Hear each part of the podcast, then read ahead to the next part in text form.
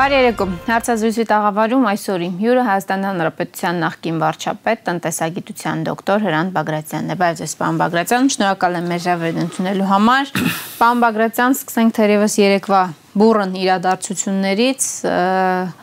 գործ է հարուցվել ԲԿ ղեկավար Գագիկ Ծառուկյանի դեմ երեք նրան 10 ժամից ավել հարցակննեցին ազգային անվտանգության ծառայությունում արդեն իսկ տեղեկություններ կան, որ ամենայն հավանականությամբ նրան կզրկեն падգամավորական անձեռնմխելությունից, կներգրավեն որպես մեղադրյալ։ Հիշեցնեմ, որ դրանից առաջ, այս իրադարձությունից առաջ Ծառուկյանը հայտարարեց, որ կառավարությունը պետք է 100%-ով փոխվի իշխանապողության պահանջ է դրել, ինչին էլ հետևեցին երեկվա բուրըն իրադարձությունները, երեք վստահեցրեց, որ իդ չի կանգնելու իր խոստումից, ինչպես եք գնահատում երեկվա իրադարձությունները ներքաղաքական դաշտում ինչ զարգացումներ են տեղի ունենում խնդրեմ Երեք բուն թե ինչ գործով են իրան ձևականորեն ինչ գործով են ինչ մեղադրանք են առաջադրել չեմ կարող դրա մեջ խորանալ կարդացել եմ ԱԱՑ հայտարարությունը այդտեղից ոչ մի լուրջ բան չի բխում պետությանը 30 միլիարդ դրամի վնաս է պատճառել Զարուկյանը ասում են։ Նո այդպես չի։ 30 միլիարդի կորցված հնարավորություն։ Պետությունը գտնում է, որ 30 միլիարդ, ինչքան ես եմ հասկանում, 30 միլիարդի ավել ներդրում պետք է աներ չի արել։ Այդ տարակայում կարող են զրկել ի վերջո լիցենզիայից, իշքան ես եմ հասկանում, բայց ես չեմ ուզում դրա մեջ խորանալ, մանավանդ որ խոր կտայի ԱԱԾ-ն սրանց հետո եթե հայտարարություններ անում, հայրեն քերականորեն ճիշտ ձևակերպի նախադասությունը, որ ընդհանրապես կարդաս բան հասկանաս։ Որտեվ ասվում էր նաև ընտրակեղծիքներ եւ այլ եւ այլն, հետո ուրիշ բան ասվեց։ Այո։ Չեմ ուզում խորանամ։ Մեղավորը, մեղավոր ճիշտքան է մեղավոր։ Այն ինչ որ ներկայացված է, ընդհանրապես պետքա զրկեն լիցենզիայից կարծում եմ որ իրադարձությունները կապված են հապճեպ էին եւ կապված են նրա քաղաքական հայտարարությունների եւ քաղաքական գործունեության հետ որ պետք է հրաժարական տա կառավարությունը։ Կարծում եմ դրա հետ է կապված։ Բայց այս երկու տարվա ընթացքում հենց Նիկոլ Փաշինյանը չէ Ծառուկյանին հրճակեց խոշոր սեփականատեր երբ որ նա անցավ խորհրդարան, էլի ստացավ մանդատ, ինչ փոխվեց այս երկու տարվա ընթացքում։ Նայեք, դուք չեք նկատում, որ հատկապես այս կորոնավիրուսը, որը որտեղ ներկայացնողները պարտվել են 100%, իրանց դարձնում է օրեցօր ավելի ռեակցիոն։ Մենք այսօր մենք ես վախենամ, որ Նիկոլ Փաշինյանի հետ մեր կառավարմանը շրջանը կավարտենք արտակարգ դրության մեջ։ Փոխվեց, հարցրեք իրենց, չգիտեմ ինչ փոխվեց։ Կամ որ իրանք ասում են դու այսքան պիտի ներդրում անեիր, չես արել, երկու տարի իշխանության եք, ինչու արտադրության նախարարությունը չէր զրկում լիցենզիայից։ Հա, 4 տարի էլ նախորդի հետ է Չգիտեմ, չգիտեմ։ Օրինակ երեկվա հայտարարությունը այսպես է սկսում։ Օրիան կլաբը, որը գրանցվել է 2010-ին, գիտակցելով 2014-13 թվականի դեկտեմբերի 28-ին ընդունված օրենքի թույլկետերը 3 տարի հետո է նախորդ գիտակցել է։ Ես չհասկացա, ես իհարկե ասա զավեսի չեմ ուզում վերածել, չէ, չեմ կարող ասել կայա ճիշտ է բանա, բայց գոնե երբ որ հայտարարություն անում հետևեք ինչ է գրում։ Հիմա հիմա իմը ուրիշ հարց կա, ընդհանրապես 3 միլիոն թե 2.5 միլիոն մարդ ապրում է երկրում։ 2.5 միլիոնն էլ անգրագետ են։ Պետք է ստեղ նույնիսկ բարձրագույն ունենալ եւ վերցնել այդ բանը կարդալ ու ասել հայրեն լեզուն ունի իր կանոնները, ոնց ոնց ասենք ոնց որ ինչ որ մեկը գնա բաժանվի կնոջից, գիտակցելով որ 3 տարի հետո այդ կին իրեն դավաճանելու է։ Էսա Ես իհարկե ուզում եմ հավատալ, որ գոնե ինչ որ բան դեռ պահպանված է եւ սա կիքս է։ Չեմ ուզում ավելորդ մեկնաբանություններ անել։ Ահա, հիմա կա Հիմա այս կորոնավիրուսի պայմաններում 3-2000 մարդ հաստատ վարակվեցին կորոնավիրուսով։ Բրավո։ Այդ ակցիայի ժամանակ։ Ենթանենք ներդրումտյաներ չեր անում, ընչեք է բերման ենթարկում։ Ընչեք մարդ հավաքում։ Ընչի սովորական քննություն չեք տանում, չեք մտնում դատարան Այս շուխուրնում համար է ոչը, շուխուրը ոչը։ Բանա, Փաշինյանը կանա։ Կրուտիտ, մուտիտ։ Դե ասում են չհամարցակվեք մտածել, որ մենք այս պայմաններում, հատկապես այս պայմաններում կհրաժարվենք իշխանությունից եւ կթողենք իշխանությունը։ Ես Բագրատյանս համարձակվում եմ մտածել։ Էս ի՞նչ բան է։ Ինչ անշակում չհամարձակ։ Տղա ջան, գնա կառավարի։ Եթե չես կարողանում կառավարել, դու արկելում ես մեզ մտածել, դու ով ես։ Իսկ բարձակուն կրթություն չունես սովորական։ Դու ոչ մեկի լսելու կարողություն չունես, լսելու կարողություն չունես, որովհետև ինտելեկտ չունես։ Դու ի վերուս, երբ որ քեզ բան ասում չես լսում, որովհետև վտանգ կա, հասկանաս թե չէ։ Սա ինչ է։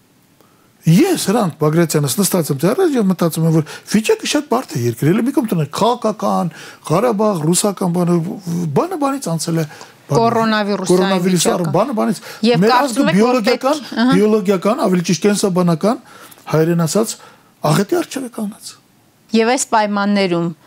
պետք է պահանջել իշխանությունների հրաժարականը, թե պետք չի սпасել մինչև ավարտվի ամեն ինչ։ Ամեն ինչ պետք է անել հանրապետությունը բրկելու համար։ Այս մարդը մինչև հիմա մենք հիմա դարձել ենք աշխարհի վատագույն երկրներից մեկը, հիվանդների թվով 100.000 6-րդ վատագույն ենք 176 երկրների մեջ, այսինքն 170-րդ տեղն ենք։ Ոնց թե երկիրը պետք է փրկել։ Ինչ է նշանակում փրկել պարոն Բագրատյան, այսինքն հրաժարական պետք է տա այս իշխանություն Նիկոլ Փաշինյանը իր կառավարությունը։ Պետք է կառավարի մի վարդ, որը ի վիճակի է համաճարակը իդեմ պայքարել ու հաղթել։ Մեր կառավարությունը չունի համաճարակի դեմ պայքարելու ծրագիր գաղափար, իդեա, մեխանիզմ, մոդել, ինչ ուզում եք ասեմ։ Ոնց չունի։ Ամեն օր պարոն Փաշինյանը ասում է, որ պետք է դիմակ կրել, պետք է պահել սոցիալական հեռավորությունը եւ պետք է հետեւել կանոններին։ 10-րդ հարցն է։ Մեր երկիրը մենք ասում ենք հիմա կորոնավիրուսի թեմային, ես կարող եմ ձեզ մի քանի բան ասել, որովհետեւ լուրջ տնտեսագիտական թեմա է, սա բժշկական թեմա չէ, կառավարման թեմա է մոդելային։ Մեր երկրում ցուցանիշներն ավելի վատ են այսօր քան թե այն երկրներ, որ ոչինչ չեն արել, դիմակ, բան, եւ սխալվել են իդե փոշմանել են։ Ես նշեմ այդ երկրներից միայն 3-ին. Բելարուս, Շվեդիա, Բրազիլիա։ Բոլսոնարոն չգիտի ինչ անի Բրազիլիայի պրեզիդենտը։ Շվեդիայի պրեմիեր-մինիստր Շտեֆան Լյովեն ներողություն խնդրեց Լուկաշենկոն ձայնը չի անում։ Բայց մենք այսօր Լուկաշենկոին անցել ենք։ Լուկաշենկոն ունի 300 մահացած, մենք պաշտոնապես 285 իրականում 500 Եվ իրենք տնտեսություն չփակեցին։ Այս պայդրությամբ մենք ունենք 600 հիվանդ 100.000 մարդուն, այսօր հունիսի 15-ն է։ Բելարուսն ունի 554, մենք անցել ենք։ Հասկանում եք։ Բելարուսն ունի, որի վրա Նիկոլա Անտած ծիծաղում էր բալենայիկ Բելարուսը միջակայքում 54.7% բուժված հիվանդ, մենք 37։ Այսինքն մեր խնդրեմը դեռ գալիս է։ Մահերը հիմա բարձրանալու 15-20 եւ կան հասնեն 40-50 օրեկան մահացածները Բելարուսը ունի 100.000 մարդուն 3 ամբողջ 2 տասնորդական մահ 3 մարդը մահացել Հայաստանը ունի 10.5 մահ 100.000 մարդու այդ օֆիցիալ թվերով բայց քանի որ մեր թվերը իրականում մահերը երկու անգամ ավել են իրականում մենք ունենք 22 մահ այո մահերի թվով մենք դեռ յետ ենք Իտալիայից բայց գալի ասում ենք Իտալիայում օրական մահանում է մինչև 20 մարդ 15 մարդ Հայաստանում էլ 15 մարդ բայց Իտալիան 30 անգամ մեծ է որպես պետություն է Այնտեղ սկզբից բաց թողեցին ձեռնից։ Մենք դեռ ետ ենք Շվեդիայից։ Էս մի ցուցանիշով, բայց վարակվածների թվով ավելի առաջ ենք, առաջ փակը, իսկ ինչ վերաբերում է բուժման տոկոսը կիլոմետրերով հեռու ենք։ Դա նշանակում է, որ մեր մոտ գնալով վատանալու է, Իտալիայում գնալով լավանալու է։ Օրինակ, Գերմանիայում ամեն օր քանի մարդ վարակվի 80 միլիոնանոց Գերմանիայում։ Քանի մարդ վարակվի։ Երկու մարդ։ Ընդամենը երկու։ Հայաստանում քանի մարդ վարակվի 600։ Դուք երևի հարցնեք, լավ, ո՞նց եղավ որ սենց եղավ։ Չէ, ես ուրիշ բան եմ հիմա ուզում հարցնել, հետո կհարցնեմ, թե ինչպես էսպես եղավ։ Պարոն Փաշինյանը համակարծիք չէ ձեր գնահատականների հետ բնականաբար, ձեր նկատի ունեմ ընդդիմախոսների եւ ասում է, որ մենք կորոնավիրուսի դեմ պայքարում պարտվել ենք այնքան, որքան աշխարհը, օրինակ Ամերիկան, Ֆրանսիան, Ռուսաստանը, Մեծ Բրիտանիան զարգացած եւ գեր զարգացած երկրներ։ Պարոն Փաշյանը ստում է։ Բարձրապես ստում է։ Տեսեք, Ամերիկայում 100.000 մարդուն մենք ունենք այնքան հիվանդ ինչքան Հայաստանում 600-ական։ Բայց Ամերիկայում մի ամիս առաջ մենք ծիծաղում ենք։ Տրամպը իդեպ դուք չթողեք ես ավարտեմ 4-րդ մարտն էր, որը նույնպես ոչինչ չած, ասես նահանգները ինչ ուզում են թողանեն։ Բայց մենք արագորեն վերջի մի ամսում եկանք Ամերիկային հասանք։ Ամերիկան մահերի թվով դեռևս մեզնից ավել է։ Պաշտոնապես մերը 11 է, Ամերիկան 35 Բայց ես էլ ասում եմ, նայեք, երեք հիմնական ցուցանիշներով. Վարակվածների թվով չասեցի ամենավատն ենք, 6-րդ ամենավատն ենք, ամենավատ տասնյակում ենք 176 երկրների մեջ։ Մահացածների թվով 20 ամենավատ երկրների մեջ ենք։ Բուժման տոկոսով 30 ամենավատ երկրների մեջ ենք։ Հիմա գիտեք ինչ կա, ես այս բաներն ասում պարոն Փաշյան Դոհելնի, ասի պարոն Բագրատյանը սուտ ասում։ Այդ ցած չէ, որ ասենք, նույնիսկ Facebook-ում գրում ես, պարոն քաղաքապետ, փողոցներ լվա, 300 ֆեյք հարցում վրա չտեսակ գիշեր լվացին։ Գիշերը 3-ին հերախոսը գրի մենք ասենք, որ դու 3-ին հելես դրանց ո՞նց է հայ մարությանը լվում փողոց։ Փողոց լվալ չկա Երևանում։ Կա փողոց լվալ։ Շքամուտքը լվալ ձեր քանի անգամ են լվացել շենքում եք եթե ապրում։ Ես շենքում եմ ապրում։ Քանի անգամ է շքամուտ լվացել։ Մեր մոտ մի անգամ 4 ամսվա մեջ պարտավոր էին շաբաթը երկու անգամ անել։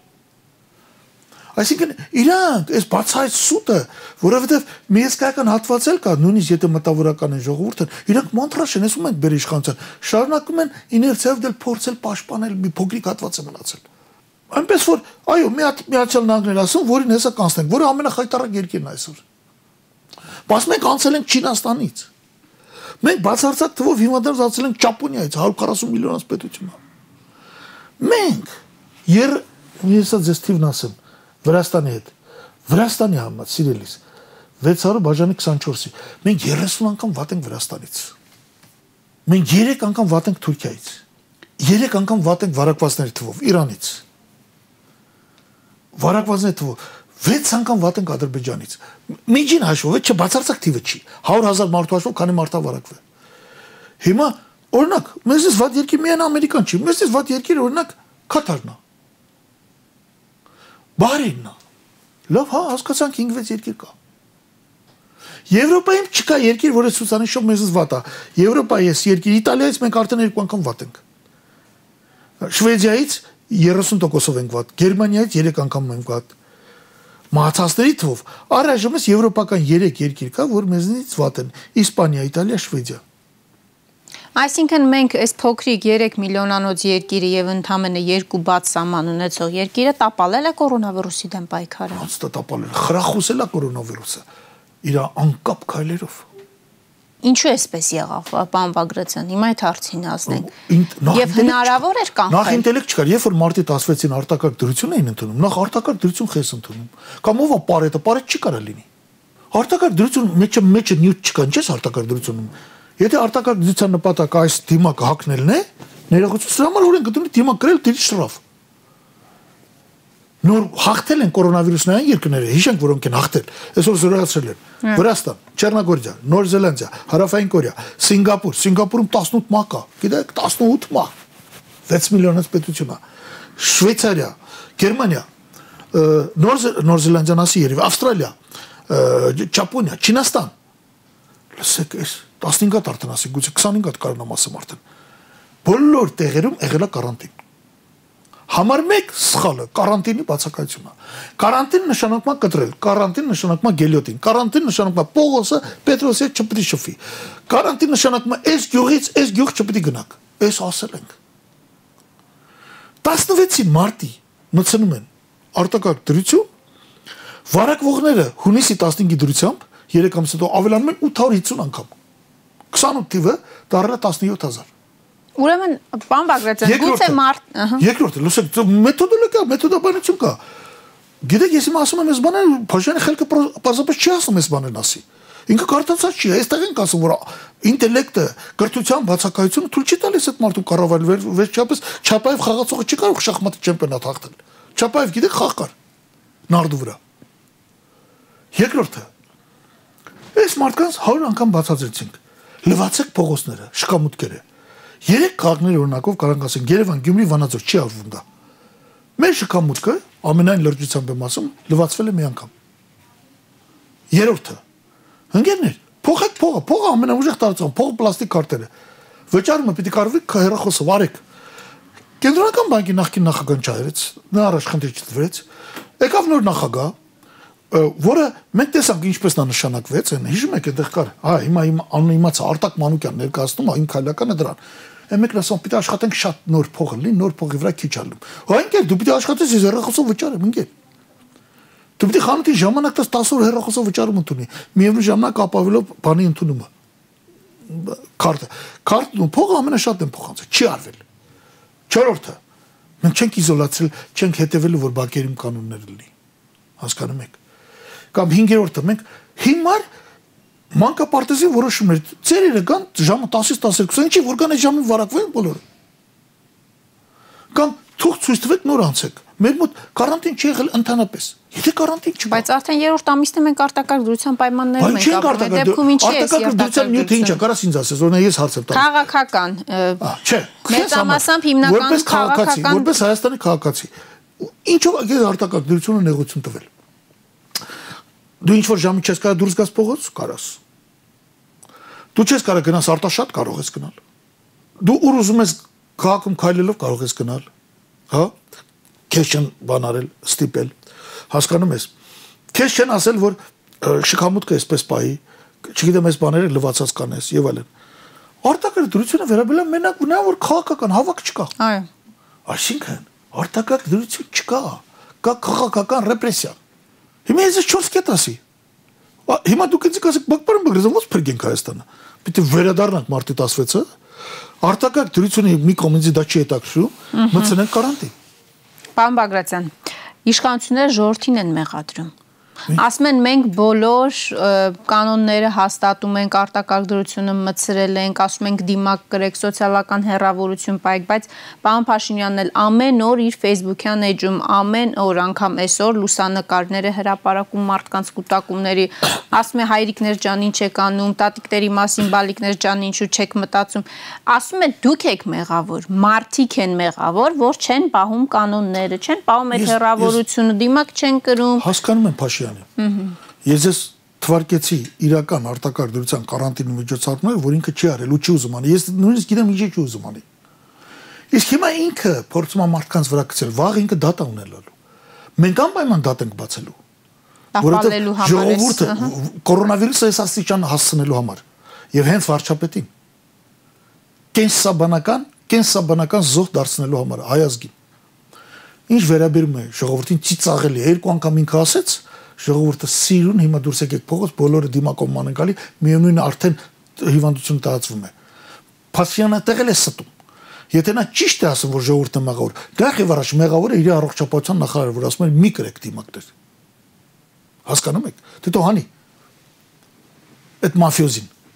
Դե իրենք էլ հղում էին անում, որ առողջապահության համաշխարհային կազմակերպություններ, մեկ ասում էր դիմակ կրեք, մեկ ասում էր դիմակ մի կրեք։ Ուրեմն Փաշյանը ինչ է զում ժողովրդից։ Հիմա դիմակ է կրում։ Առողջապահության համաշխարհային նախագահ ասում ոչ, մանավանդ, դες ինչ են հաղորդում։ Հիմա փողոցներ լսել եք հաղորդումը։ Ասում է, եթե բան չունեք, ինքնուրույն դիմակ սարքեք, ինքնուրույն դիմակ ինչ են անում։ Այնպես որ լսեք, ձեռս առնում, դիմակը դիմակ, օրինակ սա դիմակ է, հասկանում եք, ես սա 3 շերտ ունի, հասկանում եք։ Այստեղ անպայման երկաթա, որ ասած հակնում է քթիդ վրա։ Ես հիմա դարել եմ բանի նման, մենք ճիշտ կլինի որ քաղաքական տնտեսական հարցից խոսենք, բայց սա այլևս համ քաղաքական, համ տնտեսական հարց է։ Փաշյանը ճունի այն ինտելեկտը, որ կարողանա կառավարել պետությունը։ Բացի դա, նա հիմա մտածում է ինչ որտեղ կորոնավիրուսը գուցեև իրան հնարավորություն տա իր իշխանությունը ամրապնդել։ Դրա համար չաշխատել է։ Դրա համար է ամեն ամիս երկարացում արտադրությունը։ Իսկ եթե եթե ինքը պայքարեր կորոնավիրուսի դեմ, տեսեք, ես նույնիսկ թույլ եմ տալիս մտածելու, որ մտածում են հիմնականում թոշակառուներ են, չնայած այդպես չի, թող մեռնան էլի։ Հիմա ձեզ քննադատելու են այս խոսքերի համար։ Ինչի համար են քննադատելու։ Բան Բագրատյան։ Ոչ մի պայքար չի գնում ոնց։ Ինչը քնա։ Դու գիտեք ոնց է, ինչ ինչ ալու մարդու հետ որ հիվանդանում է։ Հիմա։ Հուսով եմ բոլորի շրջապատում կան ձեզ լավագույն դեպքում կտանեն մի հիվանդանոց, որտեղ 3-4-5 հոգի սենյակում կան։ Ընդ որում չգիտես ինչու այդ ամբողջ բեռը դրված է 3 հիմնարկի վրա, աստրիկ բժշկական կենտրոն, նորքի ինֆեկցիոն եւ գրիգոր լուսավորիչ։ Դե մյուսներ հայտարարություն տարածեցին, որ իրենց չեն տալիս։ Երկու իրենց չեն տալի պետվատվորը փողը այդ պետվատվերի, այդ իրենց ինքը նա հիմա փողում տամ, իմ իմոնց տամ։ Այդտեղ ուրիշ բան չկա, բացատրություն չկա։ 2-3 օր ձեզանից ոչ մի բժիշկ չի մոտենում Եվ եթե Աստված մի արես է դուք 50 տարեկանից ցածրեք, բժիշկը մոտենում ասում է ջայլ մարդ էսել է հել գնա տուն։ Առանց տեստի առանց բանի հելում գնում են տուն։ Ես ասում եմ պաշտոնապես։ Եթե Փաշյանը իբր թե չի մանում վստահ եմ գիտի, թող իմանա որ սա այսպես է։ Որ վա վախանալի է։ Բավար Փաշյանը ուզում էր այս ազգին։ Թող լավ էս իմ ասած միջոցառումներ չաներ, նա չի կարող հասկանալ ինչ բան է կարանտին։ Եվ ինչ տեսակի կարանտիններ են լինում։ Բավար այս բաները հասկանալ նա վաղուց հիմա պիտի վտարածել էր կառավարությունից առողջապահության նախարարին Շատ լավ, պարոն Բագրատյան,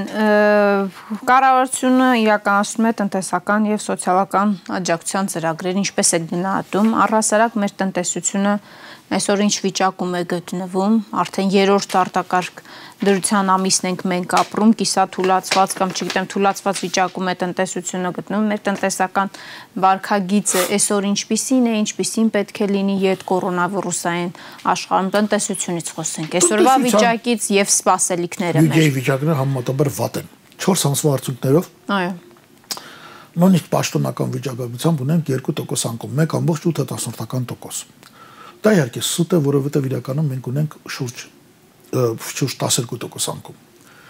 Ինչ ինչպես են փրկել իրենք իրավիճակը։ Իրանք ունեն 27% հա չանկարծանաբերության մեջ։ Արդեն երկրորդ, երրորդ տարին անընդհատ մեջ անկարծանաբերությունը աճում է 25-30%-ով տարեկան։ Նիկոլ Փաշյանը ասել է, ինչքան մեքենա կա Բեռնատար, ինչքան քլում կա, բակ, գնացեք հանկերը քանդեք։ Ես պատկերավոր եմ սա ասում։ Այս պայն Հայաստանի մետաղական հանկերի հանքերը թալանվում են։ Սա այն Նիկոլ Փաշյանը, որ ասում է, այստեղ կարգու կանոն պիտի հաստատեմ։ 27% 4 ամսում աճում ենք։ Այս որում հայտնի չի դա վաճառել ենք, չենք վաճառել, որովհետև եթե վաճառած լինենք, մենք էքսպորտի անկում ունենք 9% 4 ամսում։ Ակնհայտ է սրա հաշվին ինքը կեղծում է։ Այո, աճել ունենք նաև դեղորայքի արտադրության մեջ, այս պաշտպանիչ միջոցների արտադրությունն է աճել մի 40% եւ ինչ որ մի ինչ որ մի բան էլ կար սովորական արտադրությունից, սնունդն է աճել 6%։ Մնացած բոլոր ճյուղերում ունենք 30-ից 40% անկում մետաղամշակում, տրիկոտաժ, չգիտեմ, հսկայական անկում շինանյութում, շինարարության մեջ ամեն ինչ անկում է։ Բյուջեն այս տարի առաջի 4 ամսում հարկային եկամուտը կազմել է 500 միլիարդ, անցյալ տարի կազմել են 600։ Իրանք աճ են ցույց տալի, որտեղ անցյալ տարվա 600-ից հանում են 136 միլիարդ բան գերավճար։ Բայց կոնկրետ հարկ հավաքվել է 600 եւ 500 20% պակաս։ Կենտրոնական բանկի պաուստները միայն ապրիլին մսխել են 200 միլիոն դոլար։ Միայն ապրիլին։ Միայն ապրիլին։ Այսինքն մենք այսօր ունենք արդեն 2 միլիարդից էլ պակաս պաուստներ, 2 միլիարդ 700 միլիոներ մի պահ։ Ինքը այս միջոցները մսխում է։ Ծրագիրը։ Ես այդպես բան չի տեսել։ Ինչքան գիտեմ 18 հատ ծրագիր կա, չէ՞, սոցիալական օգնության աջակցություն։ Ինքը օգնում է եւ արտադրողին։ Եվ նույն արտադրանքի շուրջը կամ նույն երևույթի շուրջ ժողովուրդ օգտագործում է օգնում է սպառողին։ Ինքը ֆինանսավորում է ես սպառողի ծախսերը, մի քիչ, մի քիչ։ Փոշիացնում ամբողջ միջոցները ես սպառողի եկամուտները։ Եվ արտադրողի ծախսերը, եւ արտադրողի եկամուտները։ Արտադրողներն ինքը օգնում է անհասկանալի չափանիշներով այդ ֆունկցիան դրված է էկոնոմիկայի նախարարության փոքր բիզնեսին աջակցության կենտրոնի վրա, որը որտեղ վախանալի է, ինչ ուզում են անում են։ Դուք չեք կարող այսօր գտնել այս կամ այն ծրագրով մի հատ սայթ գտնել կառավարական, որ ասեք սոցիալական ծրագիր համար 7-ով ծախսվել է այսքան։ Շահառուներն եղել են այս մարտիկան, դու միջը վերջի մարտը պիտի տված լինի։ Հասկանում եք։ Չեք կարող գտնել։ Երկրորդը նույն վարկերը, որ իրանք օգնում են բիզնեսին, լուրջ կասկածներ կան, որ իրանք բացում են իրենց բիզնեսը եւ դիմեն օգնության համար, դեռևս անցյալ տարվա բացված կամ քրիշավացյան անում բիզնեսներին եւ վերջապես իրանց իսկ օլիգարխները, իրանց իսկ օլիգարխները լայնորեն օգտվում են դրանից։ Դրանք սա ձևի առումով, բովանդակության առումով Այսինքն դու ինչ ես որոշում ամեն մի բիզնեսին մի քիչ օգնեմ, մի ընդհանրենք ասենք 4-5000 դոլար օգնում չի։ Այդտեղ կա բիզնեսներ, որի արտադրանք երբեք չի սպառվում։ Օրինակ, ինչ ես հյուրանոցներին օգնում։ Հյուրանոցները մեկը այս տարի չեն աշխատում, չեն էլ աշխատում։ Լավագույն դեպքում աշխատողներին, ովքեր աշխատել են, անցյալ տարի եղել են payroll-ի վրա, աշխատավարձի լիստի վրա, ասում ես դուր ինձ այդ լիստը, ես ես մարդկանց իրանց աշխատավարձի կիսով չափով, 1/3-ի չափով կամ բարաբուրտի չափով հարկադիր 66%-ի չափով փող եմ տալիս։ Բայց եթե չոքնի կփակվեն։ Ինչ։ Եթե չոքնի կփակվեն։ Լսեք, հյուրանոցին հիմա ինչ օգնես, երբ որ վաղը մենք հաս չենք ունենալու։ Ես ասում եմ վեկալ հյուրանոցի աշխատողին օգնի։ Ինքը հյուրանոցին ասում է կանչում ասում արիստեղ արկես ես 30000 դոլար օգնություն տամ ինձ հարկմուծի։ Մենք գժանոցում չենք։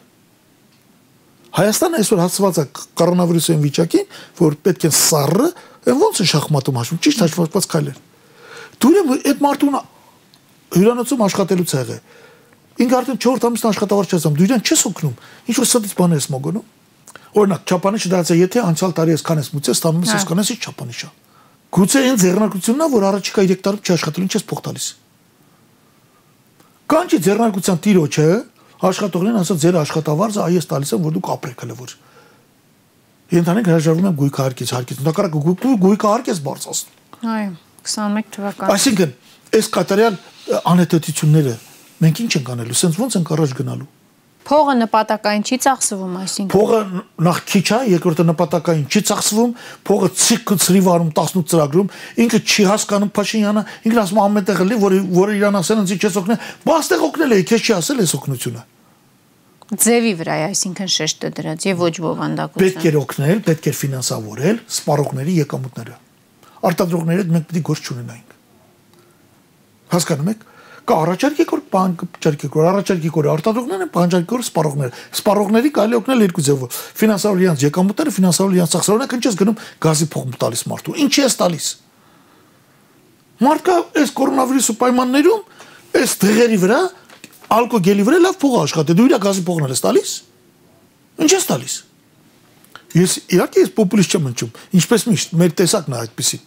բայց սիրելիներս վաղը մենք աղետ մենք արդեն աղետի մեջ ենք Նիկոլ Նիկոլ Փաշյանի այս ներվային վիճակն էլ ինքը գիտի, ինքը կորոնավիրուսը թքած որ մի 1000 հոգի կլինի կդառնա 100.000 200.000, ինքը շատ լավ գիտի որ այս 250.000 հոգի առնվազն արդեն հիվանդ են։ Ինքը չգիտի վաղը ինչ անելու, իրան փող տվող չկա։ Խոսքը դրսի մասին է, թե ներսում։ Բյուջեն աշխատավար թոշակ չգիտի ինչ անել։ Դրա համար պետնախագահ հրաժարական տվեց։ Դե պետնախագահ, պետնախագահ իդե միակն է եղել կառավարությունում, ես ուժային բլոկը չեմ հաշվում միակն ա եղել, որ ամբողջությամբ, կրթությամբ, կրթական ցեզով համապատասխանել է իր պաշտոնին։ Մյուսը մի քիչ էկոնոմիկայի նախանա, բայց նա ֆինանսիստ է, էկոնոմիստ։ Այսինքն մենք բյուջեն հավաքելու խնդրի արժև ենք կանգնելու։ Իհարկե, մենք բյուջեն արդեն չենք Եվ մենք հավաքել ենք իրականում։ Թոշակ ու աշխատավարձ կարող է մի քանի ամիս հետո չկարողանանք վճարել։ 500 միլիարդ դրամ անցյալ տարվա 600-ի դիմաց։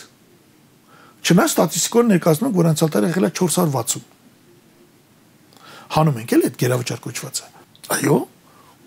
Մենք գնում ենք ներքև։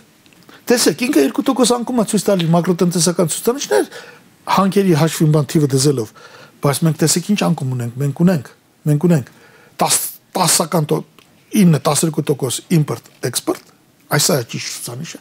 եւ բյուջեն։ Բյուջեն մենք համարել է 10% անկումն ենք 4 ամսում այդ չոմ սարսից առաջի 3.5 2.5 մինչև մարտ 16 մենք ամբողջությամբ աշխատել ենք։ Դե տեսեք հիմա ոնց է գլորելու այդ թափանիվը։ Եվ երկրորդը ինքը հիմա արդեն որովհետև եթե ուզում է կորոնավիրուսը հաղթահարի ինքը պիտի այնպեսի ղեկավար անել, որ ճարեր կողքից այսօր առնվազն հանրապետությանը 1 միլիարդ դոլար փող է պետք,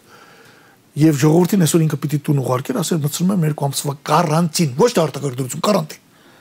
Մենք չորով դուրս կգայինք սրանից։ Սա է ելքը։ Սա է պետության պետական գործի գործելակերպը բայց այս բաները որ ես ասում եմ այս բաները ասելու համար ինտելեկտ պետք եւ գիտելիք եւ համարձակություն։ Այսինքն մենք փող չունենք, որ տանք քաղաքացուն, ասենք խելոք նստի տունը, տնից դուրս մի արի եւ իրավունք ունենանք դա ասելու, որտեղ մենք իրեն ապրուստի փող տալիս ենք, որ ինքը տունը կարողանա։ Ով ստանում էր թոշակ շարունակում ստանալ, իսկ ով որ ում աշխատանքը դատարել է, ասենք, չգիտեմ, ես Էրեբունի հյուրանոցի աշխատանքը դատարել է, ասում ենք 66%-ով հարկադիր պարտի չափով ձեր փողը տրվում է։ Բայց այդքան փողեր հավաքվեցին, այդ փողերը որտեղ են բան Կոռուպցիոներներից, նախկին թալանչիներից, չգիտեմ ինչերի։ Մեր բյուջեի ինձ հայտնի չի կոռուպցիոներներից թեկուզ 1 դոլար, որ մտել է բյուջե։ Ինձ հայտնի չի թեկուզ 1 դոլար, այս երկու տարի երկու ամսվա մեջ, որ դատ են արել ու այդ դատի արդյունքներով փողը մտել բյուջե։ Ինձ դա հայտնի չի։ Ում դե ես հայտնի ասեք, ես դե, իմանամ։ Պարոն Փաշինյան բաբաբա ասում է, չէ՞ այսքան կոռուպցիոներներից փող ենք հավաքել։ Ոչ, պարոն Տարբեր թվեր է հրապարակում։ 80 միլիոն դոլարի մասին, նա չի ասում բյուջե ենք մտցրել, չի ասում դատ ենք արել, ինքն ասում է ինքը երևի գիտելի որ հավաքել է կոռուպցիոներներից։ Բա ուր են այդ փողերը հարցնում։ Կամ ուր դղա։ Ինքն ասում է ես հավաքել եմ։ Ինքը տենց է հավաքում։ Ինքը նույնիսկ բան ստեղծեց, չէ, ապորինի գույքի դեմ հանձնաժողով, որ իր ձևով հավաքի առանց դատարանի։ Այո։ Ոնց է գնահատում այդ օրենքը եւ նաեւ գույքը հարկի բարձրացում այս երկու դրվագներով անցնեկան։ Իհարկե վատ եմ գնահատում։ Շոմանցոն 60 հոդված կասում, եթե մարդից բանից վեկալում պիտի դատարանի որոշում լինի։ Մարդուն դու չպիտի ասես, դու չես կարող կանչես մարդուն, ասես, գիտես ինչ կա, ընկեր ջան։ Դու հոգեկան հիվանդ ես։ Ինքը քեզ կասի ոնց թե։ Ես քեզ դատի կտամ։ Չէ, մինչև դատի գնալ գնա դատարան դիմի, թող ապացուցի, որ դու հոգեկան հիվանդ չես։ Հիմա գնաս, դու տալանտ չես Ես չգիտեմ ինքը ում է թալանջի գտել, ես չեմ կարող պաշտպանել։ Լիքը թալանջիներ կան մինչև իր իշխանությունը գալը։ Շատ։ Ոչ մի պայքար չի տարել։ Եվ այն հին թալանին ավելացել է իր էլ ավելի մեծ թալանը։ Իրա կան իշխանության ծխախոտները 200 միլիոն դոլար պարքեավճարների բյուջեից հիմա արդեն մտածում են ստեղծեն պետական ձեռնարկություններ էլի յուրացնեն դա մի առանձին թեմա նոր թեմա է առաջանում 1021 ապորինի գույք մուք է սոխստից բան են դրանք ոչ մի օրենք այդ նույնիսկ այդ օրենքը որ ապորինի օրենք է օրենք ապորինության մասին էլ ոչինչ չի տալու դա դառն է սա փոխելա ինչ է իրան խանգարում որ մի հատ օրինական գործարք բերեր հա մեկ էլ մեզ հայտնի որ ինչ որ մեկը ծաղկաձորում ծխա հյուրանոց է նվիրել Այն էլ ասում են չէ կարող ավարտել շատ թանկ էր եւ ընդհանրապես հաշվել էր որ հաշվառ չլինա մեծ գույքարկ էր սպասվում ազատվել է դրանից Իդեպ դրա վրա գույքարկ կլնելու է այս նոր գույքարկով պետությունը ինքն իր օբյեկտների վրա գույքարկ դնելու է բեռ է լինելու պետության վրա դա պահելը։ Սիրեց, երբ որ պետությունը գույքարկ է սահմանում, պետությունը նաև պետական հիմնարկի վրա պետք է գույքարկ դնի, չէ՞։ Ահա, հիմա այս գույքարկը ինչու բարձրացրեցին։ Ինչու էս արտակարգ դրության պայմաններում այդ օրենքը անցկացրեցին եւ 21 թվականից գույքարկի բարձրացում է լինելու պաստորեն, որը միջին խավին է հենց հարվածելու։ Կամ գուցե Ես չի ասի նույնիսկ միջին խավ, չգիտեմ դա միջին է թե չէ։ Դրա նպատակն է Երևանի կենտրոնը բեռնաթափել։ Ինչն է անընդունելի այս գույքարկում։ Ինչ ընդհանրապես անդրամաբանական կախված գրադացիայից շուկայական եւ հիմնականում այն տները, որ գոտիականություն ունեն շուկա, իսկ շուկայում գինը սենցա կենտրոնի գինը, այսօր Երևանի կենտրոնում 1 քառակուսիմետր արժի 1500-ից 3000 դոլար, եթե առաջի հարկի 3000 դոլար, ասեք ծայրամասում ինու Երևանի արդեն 5 անգամ պակաս է։ Այսինքն շուկայական գինը կապված է գոտիականության հետ, հա։ Ինքն ասում է նախ, ասում է նախ ես սրանց հետո շուկայական գնից եմ ելել, կադաստրի չեմ ելել։ Շուկայական գնից մոտարկումը որն է, եթե կադաստրը չի կադաստրից խուսափել աննայինը ինչ անշուք մոտարկված շուկայական գին բա մեթոդիկայով կադաստրը կորոշի օրինակ դուք այսօր անդիմադիր եք ձերս շատ կլինի հասկանում եք նո անդիմադիր չի իրան քիչ կլինի հաջորդը եթե մենք գնում ենք շուկայական գնով գույք արկեն կամ միած սկզբունք օրինակ այդպեսի երկիրի ընտանիք Չեխիան հա ախպեր ջան դու իմ տունը գնահատել ես այսքան հələ մի կողմ թողնենք քանի տոկոսն ես վերցում գույք արկ դու գալու ես դու գալու ես ասելու ես ես ինդիմադրես տունը գնահատեք 2000 Իմ քայլականը գնացեք 50000։ Որ մեխանիզմն է, որ դա թույլ չի տալիս։ Եթե տունս գնահատել ես 200-ը, վախբերա, օքեյ, դե առ, հենց հիմա փողտուր առիմ տունը։ Պետությունը պարտավոր է գնել այդ տունը։ Մարդիկ այսօր ավանում սիրուն լավ 4-5 4 սենյականոց բնականը վաճառում են 40-35-ից 40000-ով։ Այս միտ բաց։ Հաջորդը։ Դու ո՞նց ես դες բան դնում։ Մի անգամից 8 անգամ բարձրացնում ես։ 8 անգամ։ 8 անգամ։ Ես հաշվել եմ։ 4 անգամվա մասին էր խոսքը։ Իրանք ասում են 4։ Օրինակ, իմ բնակարանը, որ ես կենտրոն ապրում եմ, ես վճարում եմ 59000, սրանց հետո պիտի վճարեմ 600000։ Այս Երևանի կենտրոնում ավանդաբար դեռ շարունակում են massամբ ապրել հին մտավորականությունը, դասախոսները, ուսուցիչները, արվեստի գործիչները, բան, այս բոլորը ծախելու իրենց տաները գնաց այրամաս։ Եվ ով առնելու գործող իշխանությունը, իհարկե հիմնական առօրյակի գործող իշխանությունը չեմ ուզում սա հենց ամբողջ բանանեն, բայց սա արվում է իմ քայլականների համար։ Որովհետև նրանք են այսօր իշխանության։ Ո՞վ է տեսել 8 անգամ բարձրացնել։ Դե սա էլ էր մատուցում որպես դղյակների դեմ դղյակատերերի դեմ պայքար, որ ասում է քիչ գույքարկեն։ Այն օրենքը, որ ընդունել ազգային ժողովը, 100 միլիոն բնակարանների համար, 120 միլիոն տների համար դա համապատասխան 200 եւ 250 հազար դոլար է։ Դրանից վերև ոչ մի տոկոս չի փոխվում, մի տոկոս է։ Որևէ կերպ չես ասի, որ սա դրանց նրանց էլ է բարձանում։ Բայց եթե միջին բնակարան, ասենք, սա հիմնականում խփում է, ասենք 150 դոլար արժեք ունի, 150, դե Երևանի կենտրոնում 100-ից 2000 արժի ցանկացած բնակարան, մի սեանկանոցն չեմ հաշվում։ Սրանց է խփում։ Ինանց մի տոկոս է, Ագնեսա ջան, էլ մի տոկոսը չի փոխվում։ Մի տոկոսը չի դառնում 2%, 3%։ Այսինքն մանիպուլյացիա է արվում։ Իհարկե։ Որ սա դղյակատերերի դեմ է։ Վերջերս վերջի երկու ամսում Նիկոլ Փաշյանը ինչ ասում է, դա մանիպուլյացիա։ Վերջին երկու ամսում բացառապես։ Չէ, հատկապես այս տնտեսական բաները, որովհետև վերջին երկու ամսում ակնհայտ էին անհաջողությունները։ Շատ լավ։ Ատոմական երկրորդ բլոկի աշխատանքներն ավարտին հասցնելու համար 62 միլիարդ դրամ բյուջետային վարկ է տրամադրվելու մենք հրաժարվել ենք ռուսական վարկից։ Հասկանալի է պատմությունը։ Չեմ կարող մեկնաբանել, գեղեցիկ բան չի, գուցե ավելի էժան փող են գտել։ Չեմ կարող մեկնաբանել։ Օրինակ որտեղից Եվրոպայից։ Օրինակ այսօր ասենք լիբերները 0.1-0.2% են բանը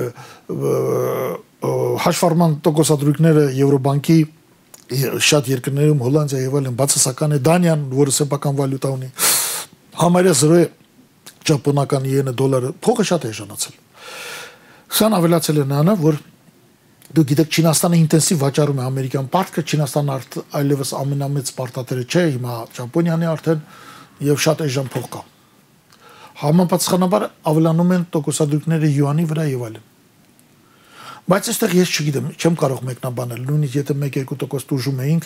արդյոք պետք չէ ռուսական վարկվեկալերը, որովհետև ինչ որ գնելու ենք, բերենք ատոմական համար Ռուսաստանից ենք բերելու։ Ռեակտորը ռուսական է։ Թույլ տվեք չմեկնաբանեմ։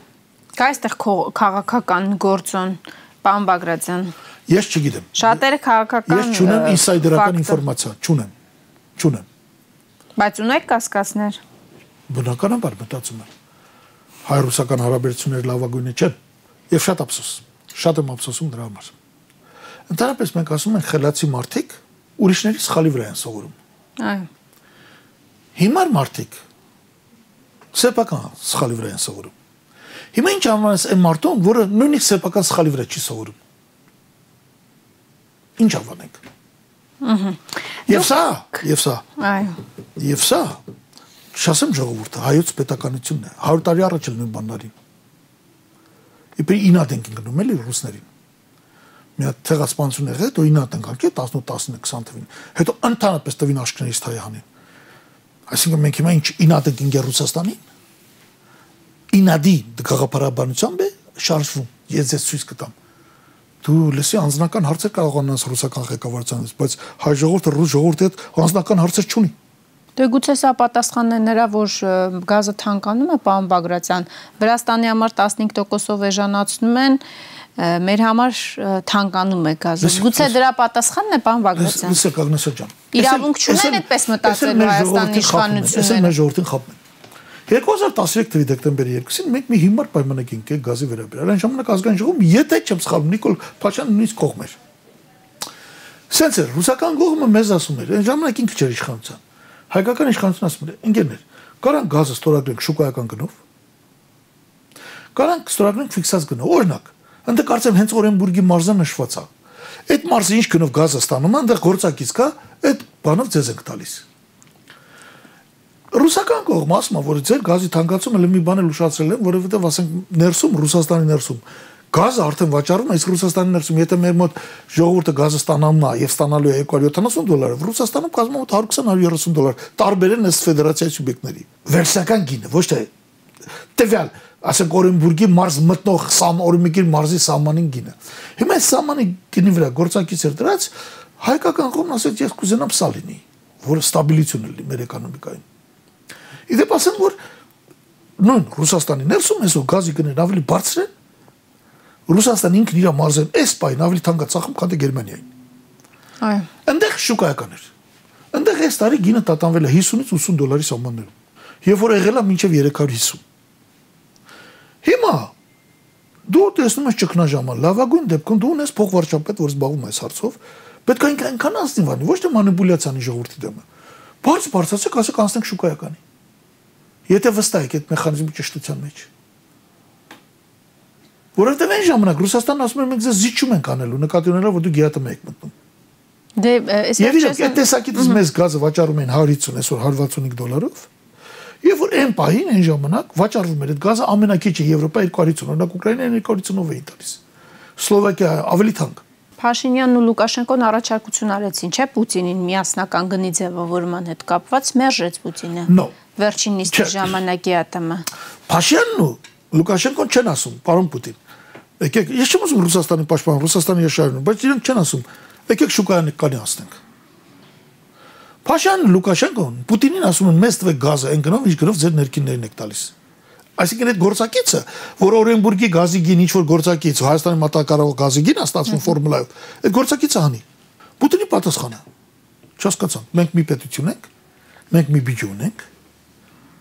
ստավկեք ունենք, կամ Պուտինի պատասխանը նա Հայաստանին շատ չոր պատասխան տվեց այդտեղ Տղա ջան ասեց, դու գազի վրա էնդես ես ստանում։ Ինչքան գազի գինը բարձր, այնքան դու բյուջեն շատ փող ես ստանում։ Ուրեմն դու ուզում ես գնաս քո ժողովրդին ասես Ռուսաստանից էժան գազն վեկալ է։ Քո էնդես արտադրես, քո ստանաս, քո բյուջեն ապահովես, բա Ռուսաստանը Գիտեք, ինչ կայս ճշմարտությունը ժողովրդին չի ասվում։ Փաշինյանն ու Լուկաշենկոն ըստ էության չեն արել կոռեկտ բան։